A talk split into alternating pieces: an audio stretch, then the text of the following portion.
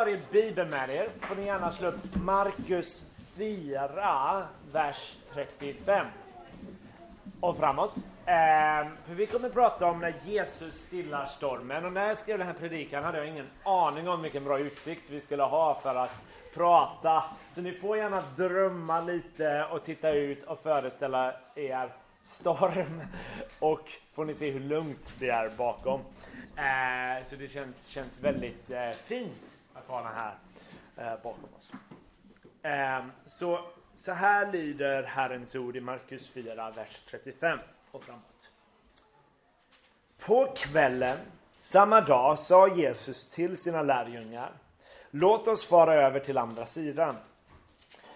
De lämnade folket och tog, eh, och tog honom som han var med sig i båten. Och andra båtar följde med. Då kom det en häftig stormby och vågorna slog in i båten så att den höll på att fyllas. Själv låg han i akten och sov på en dyna. Vi väckte honom och ropade Mästare, bryr du dig inte om att vi går under? Han vaknade och talade strängt till vinden och sa till sjön Tig, var tyst. Och vinden la sig och det blev alldeles lugnt. Han sa till dem, varför är ni rädda? Har ni ännu ingen tro? Då greps de av stor fruktan och sa till varandra, vem är han? Eftersom både vinden och sjön lyder honom. Låt oss be. Herre, vi tackar dig att du är en Gud som besegrar stormar, Herre. Eh, du besegrar dem, Herre. Och vi ber denna stunden att du ska få väcka tro och tillit i våra hjärtan, Herre. Att du är en sån Gud, Herre. Att du kan befalla med ord, tig och stormar tystnar. Så Herre, vi ber att du ska öppna våra öron denna stunden så vi, vi kan höra din röst in i våra liv, Herre. Och att du ska väcka en glädje, hopp och förtröstan på dig, Herre. Och vi ber att den här stunden ska få vara till din ära. I Jesu namn vi ber. Amen. Amen. Um, en av mina absolut favorittexter i hela Bibeln är Uppenbarelseboken 21. En helt annan text alltså. Och det är en text som talar om vår framtid. Den pratar om hur Gud en dag ska komma tillbaka och sätta allting till rätta. Och Gud ska göra en ny himmel och en ny jord. Han ska komma ner till oss, bo med oss och göra allting nytt. Och det är en sån typ av text som är tänkt att väcka hemlängtan. Att påminna oss att om vi tillhör Jesus är vår framtid otroligt, otroligt ljus. Och det står hur Gud ska en dag torka bort alla tårar. Det står att döden ska inte finnas mer och ingen sorg och ingen gråt och ingen plåga. För det som var förr var, eh, är borta. Bara evangelium, goda nyheter. Men den texten säger en sak som ibland chockerar människor. Eh, bland alla goda nyheter så säger han en grej som inte ska vara där som folk snarare blir besvikna över. Det står så här i vers 1 i Uppenbarelseboken 21. Och jag såg en ny himmel och en ny jord. Den första himlen och den första jorden var borta och havet fanns inte mer. Havet fanns inte mer. Låter lite som tråkiga nyheter. Eh, för det här, bara kolla ut här, det är så vackert. Det är bara någonting som vittnar om Guds härlighet. Och man kan undra, varför ska havet försvinna? Har Gud ändrat sig? Det var del av Guds goda skapelse, han skapade den. Eh, vad är det fel på hav? Men det är förmodligen nästan helt säkert skulle jag säga fel läsning. Det är inte så Johannes eh, som fick den här uppenbarelsen menade. För havet Havet var det gamla testamentet och, och den typ av litteratur som Uppenbarelseboken skriven i, som kallas apokalyptisk litteratur. Den använder hav ständigt som en specifik symbol. En symbol som representerade någonting annat.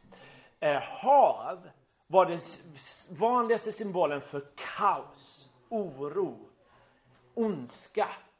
Det judiska folket var inget havsfolk.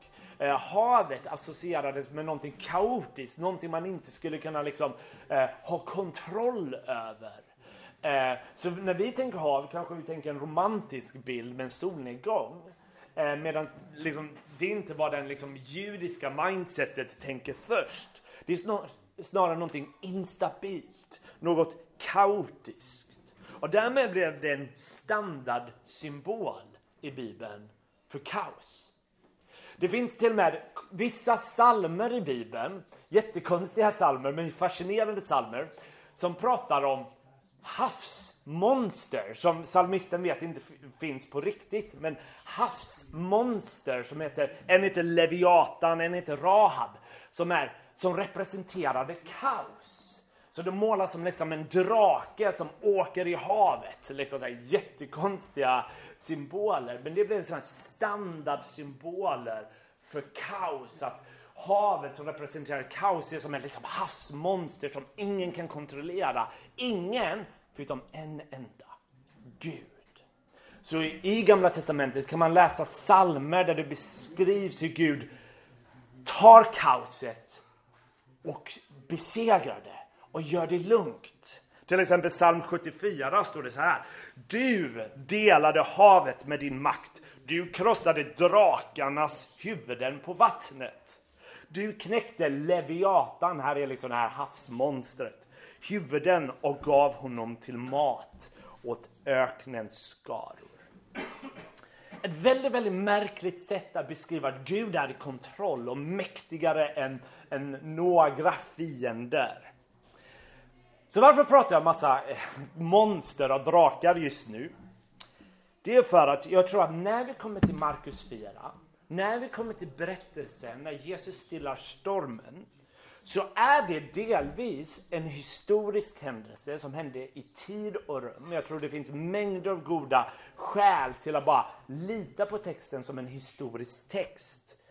Men utöver det så tror jag att det han gör är tänkt att nästan visuellt representera vad Jesus gör på korset och med sitt liv.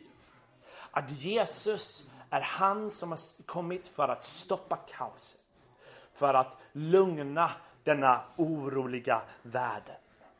Så i Markus evangeliet, precis både kapitlen innan och efter, ser vi en Jesus som har makt. En Jesus som har makt som kan tysta demoner, som kan bota sjukdomar, som kan stilla stormar, hav, kaos och ondska. Och denna texten vi har läst är designad och skriven för att vi ska få större tillit på vad Gud förmår. Den är tänkt att väcka förundran för vad Gud kan göra. Den är tänkt att väcka tillit i våra hjärtan. Och därmed är det liksom min bön att vi ska öppna våra hjärtan så vi blir mottagliga att det här är på riktigt och Gud förmår på riktigt. Så om vi går till vers 37, kapitel 4 var vi i, Markus 4, vers 37.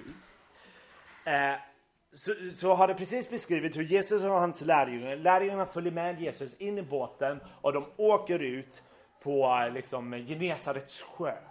Och så står det i vers 37. Då kom en stark stormvind och vågorna slog in i båten så att den höll på att fyllas. Så det här sker i Genesarets sjö.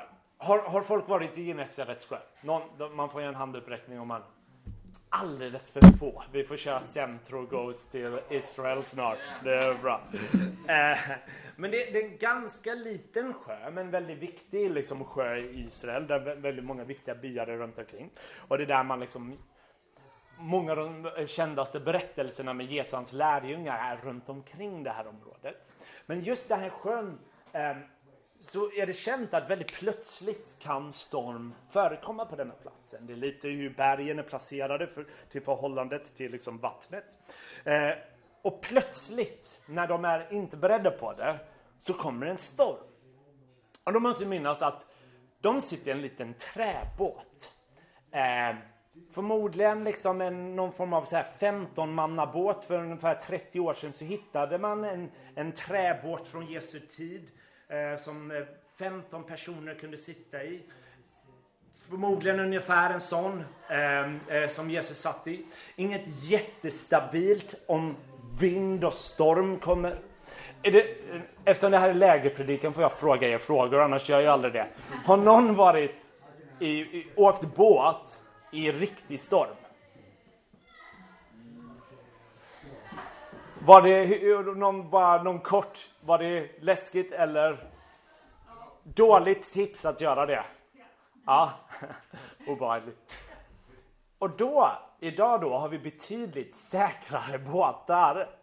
Här har de en liten ekbåt, eller ek, eh, träbåt skulle jag säga. Jag vet inte vilket material.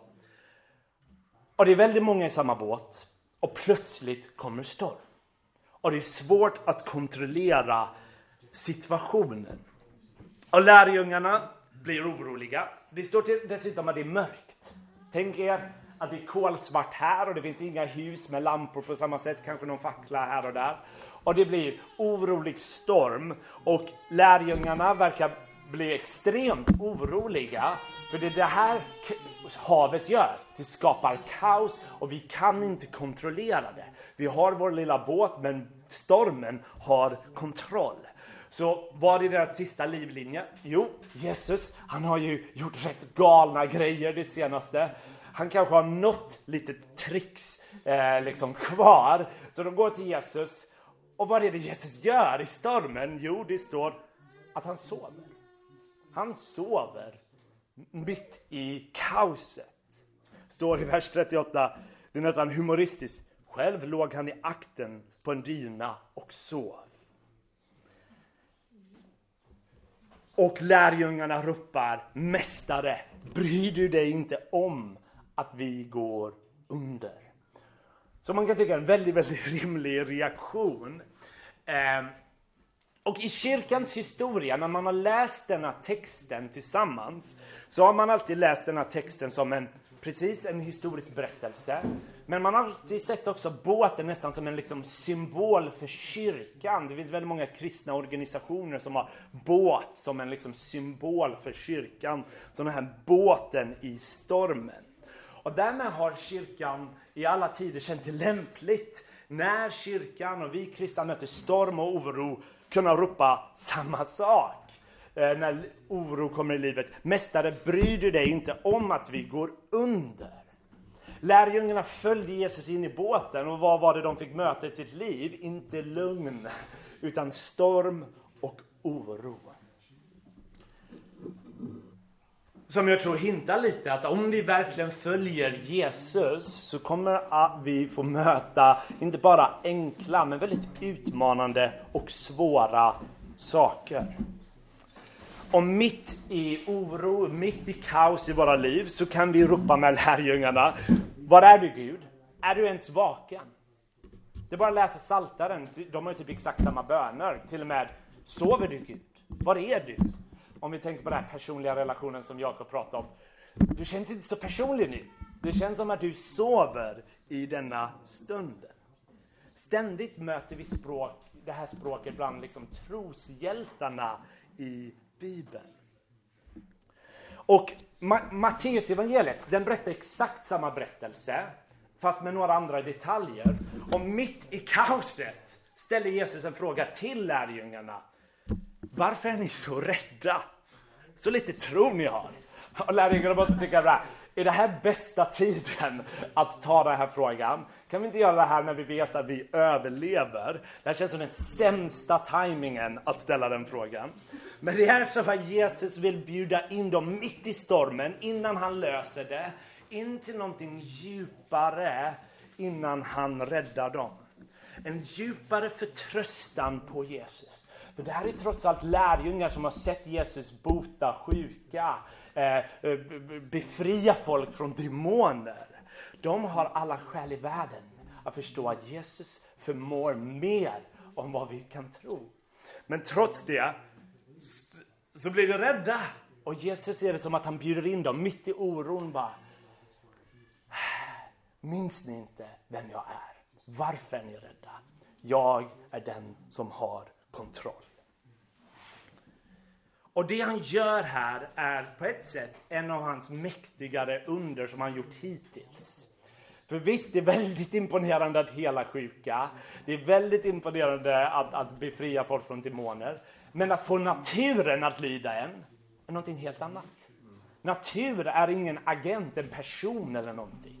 Men han kan tala till naturen och den lyder honom. Det är liksom en helt ny kategori av mirakel. Det är någonting helt annat. Han tilltalar den. Tig, var tyst. Och den lyder direkt. Och havet blir still. Och det intressanta är att språkbruket han använder här är identiskt med hur han befriar folk från demoner. Det står han tillrättavisar stormen i ett evangelium och så säger han tig, exakt som man säger till demoner. Och, och det kan innebära ett, Kanske finns det mörka krafter involverade just i denna stormen, det är väldigt möjligt. Eller alternativ två, det är bara eh, liksom Jesus adresserar kaos, olika kaos på olika sätt. Det spelar inte jättestor roll vilken av dem som är rätt, men på något sätt så kan han tillrättavisa oroligheterna, ondskan, kaoset. Med bara ord så lyder de. Och berättelsen i sig själv i vers 44 slutar med att lärjungarna är förundrade. Och det står så här, det grep, vers 41, De grep så stor fruktan och sa till varandra, vem är han? Till och med vinden och sjön lyder ju honom. Jag kan nästan ana att tystnaden efter stormen nästan måste varit läskig. Nästan obehaglig tystnad. Från att kaos till det där. Det måste nästan varit, är det inte det de väntade sig när de ropade på Jesu namn? Någonting otroligt sker och det står att de är rädda med stor fruktan och det intressanta är att de var rädda för stormen men när Jesus räddar oss, då är det nästan som att de har ännu mer rädda över situationen. Men jag tror det är en annan typ av rädsla. Jag kan, jag kan nästan gissa att alla har sett Lejonkungen. Eh, eh, så om någon inte har sett den, sorry att jag spoilar en grej i mitten. Men, eh, men, eh, och att illustrationen kommer inte vara så effektiv.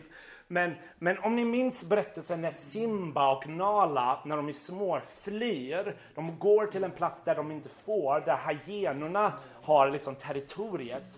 Eh, så flyr de ifrån beskyddet de har, Mufasa. Och men de hamnar i trubbel för de här hyenorna får tag i liksom Simba och Nala. Och de jagar dem för de vill liksom döda dem. Och Simbanala är livrädda för de här hyenorna. Men plötsligt kommer Mufasa in och skriker och hyenorna blir livrädda och springer ifrån. Och vad är Simbas och Nalas reaktion? Absolut lättade men också det finns en typ av rädsla för Mufasa. Inte för att de är rädda för Mufasa kommer göra någonting illa, för de vet att han är god. De vet att han är fullkomligt god. Men han har en makt, en kraft som trumfar alla de andra. Som väcker en annan typ av fruktan, som jag tror är en god fruktan. Det är en fruktan att han är mäktig, men han är också god. Som är både lite rädda, även om de är trygga. Och det är nog lite liknande som lärjungarna har. Det här är en annan typ av makt en annan typ av auktoritet, en annan typ av kategori som de möter när Jesus stillar stormen. Och därför ropar de, vem är han? Till och med vinden och sjön lyder ju honom. Och den frågan, vem är han, är frågan som Markus evangeliet, hela det evangeliet försöker besvara, vem han är. Och, och i, i, uppföljaren av den här berättelsen, när Jesus går på vattnet, två kapitel senare, säger han, det är jag. Han, uppen, han ger svaret på vem han är. Så vad lär vi oss av denna märkliga men mäktiga berättelse?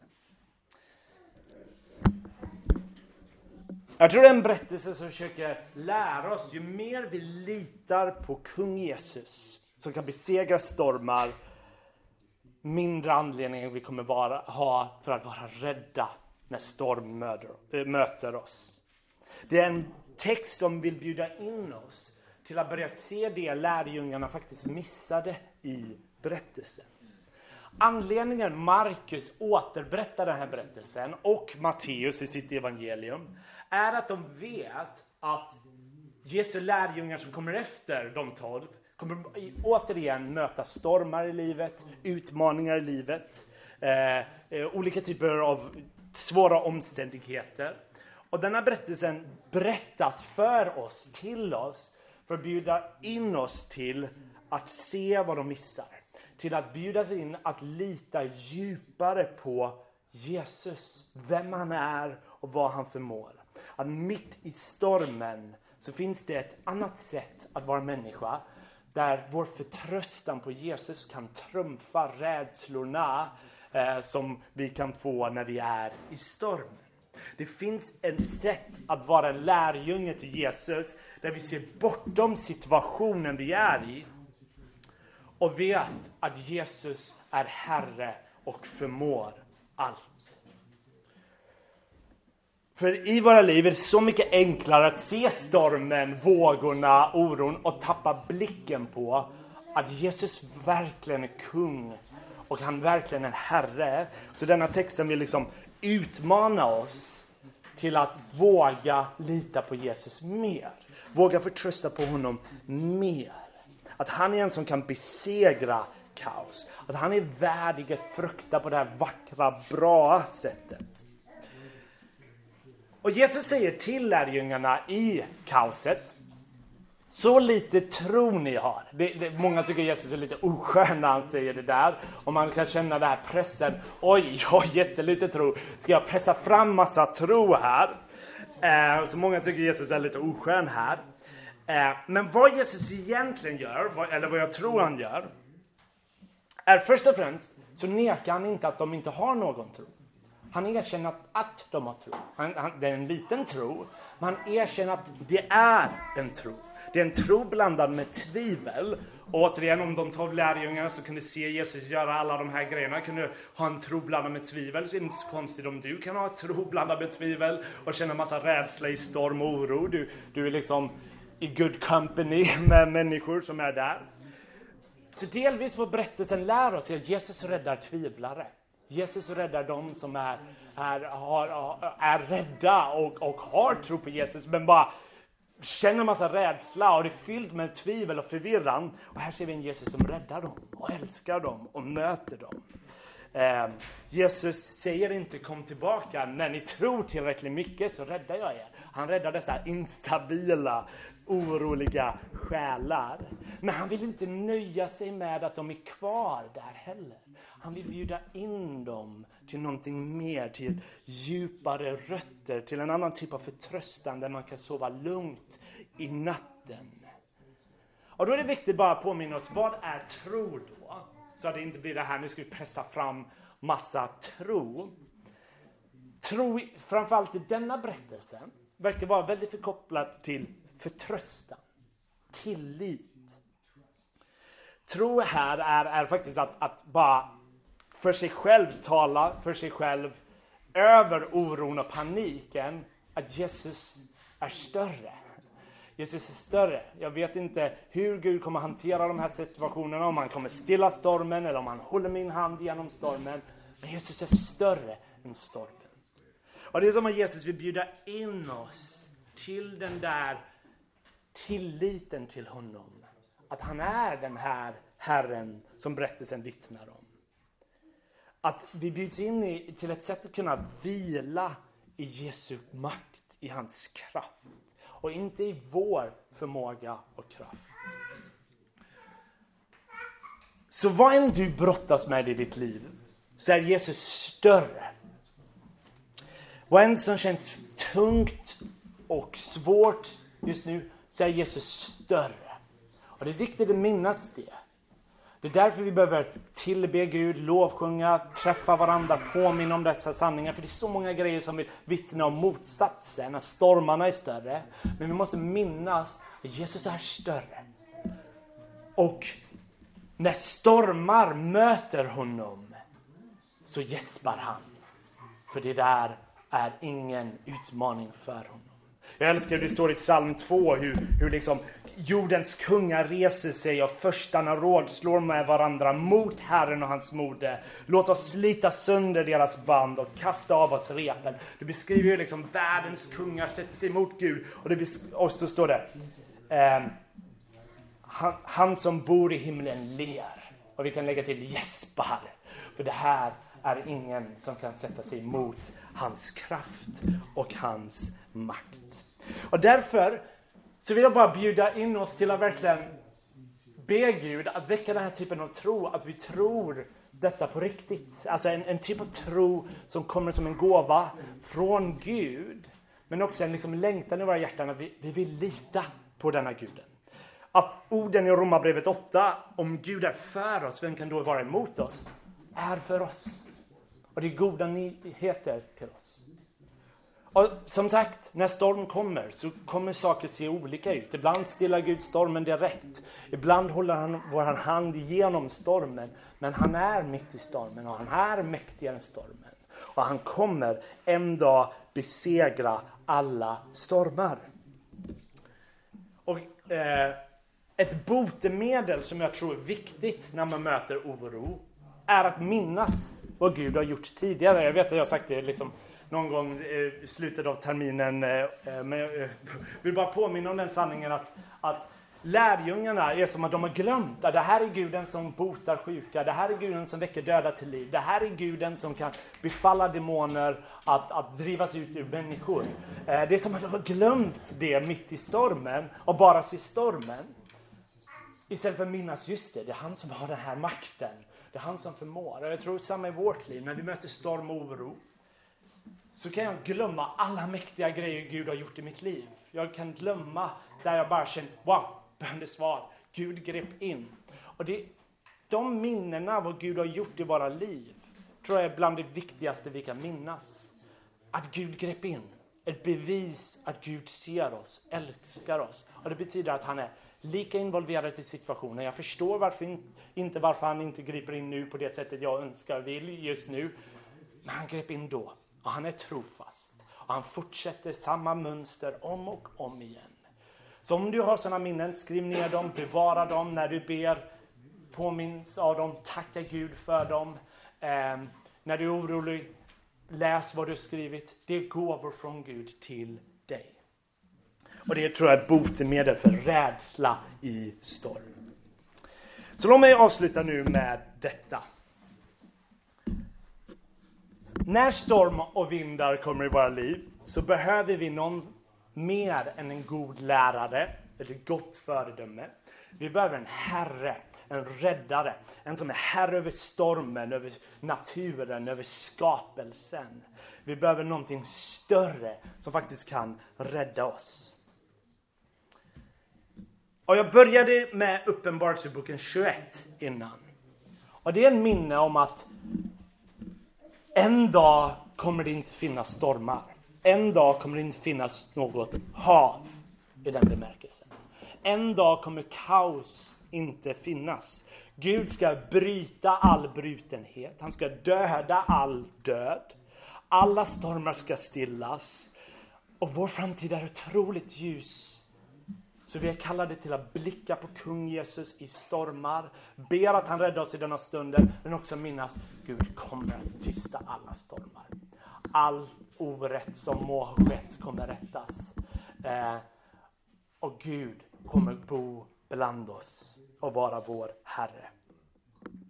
Så nu vill jag avsluta med att be en bön för mitt hjärta och för era hjärtan. Att vi ska fästa våra ögon på Jesus så att han ska ge oss denna typ av tro, att den ska göra våra hjärtan mjuka. Och vi ber Herre, väck större tillit i våra hjärtan. Herre, vi tackar dig att du är Guden som besegrar stormar, oro, rädslor, Herre. Och Herre, det finns så mycket oro i världen och i våra liv, Herre, där vi kan känna rädsla. Hur kommer saker och ting bli, Herre? Herre, vi ber nu att du ska uppenbara för våra hjärtan när du är Herre över alla situationer. Och alla tuffa situationer kan vi komma till dig inför dina fötter och veta att du är djupt involverad i våra liv och du älskar oss Och du förmår att stilla alla stormar. Du förmår att tysta alla felaktiga röster i våra eh, huvuden, Herre. Så Herre, vi ber att du ska eh, i situationer som behöver bara stilla, så ber vi att du ska säga stig, var still. Och det ska ske, Herre. Herre, vi ber att du ska väcka tro, att vi förtröstar på dig. Inte efter stormen är, är, är stilla, men under stormen. Att vi ska förstå att du, du är god. Och vi ska få den här goda fruktan i att vi, vi förundras av att du är mäktig, du är god. Så att vi på ett sätt inte behöver vara rädda i huvud taget. Men samtidigt ha den här goda fruktan inför dig att du är mäktig, du är stor. Men du är alltid god. Och du har alltid trofast. Så jag tackar dig för mina bröder och systrar i den här, Eh, det här rummet, Herre. Vi ber för den här terminen vi träder in i, Herre. Eh, vi ber att det blir en välsignad eh, höst vi har framför oss, Herre. Herre, vi ber att du skapar gemenskap mellan oss där vi kan dela våra oro, våra rädslor, Herre. Också att vi kan bygga upp varandra, tala liv in i varandras liv och peka på han som kan besegra stormar, Herre. Och vi tackar dig, Herre, att du är här mitt ibland oss. Att du räddar oss när vi är förvirrade, oroliga och vi fattar inte eh, varför du inte agerar och klagar på dig, så räddar du oss ändå. Ja, Herre, om det är saker i våra hjärtan som behöver uppenbaras, kanske omvändas. Synd i vårt liv, Herre, ber vi att ditt ljus ska få lysa. Men samtidigt din nåd och din godhet ska sträckas ut till våra liv, till våra hjärtan. Och vi kan förstå att i din närvaro, där finns frihet. Vi tackar dig i Jesu namn.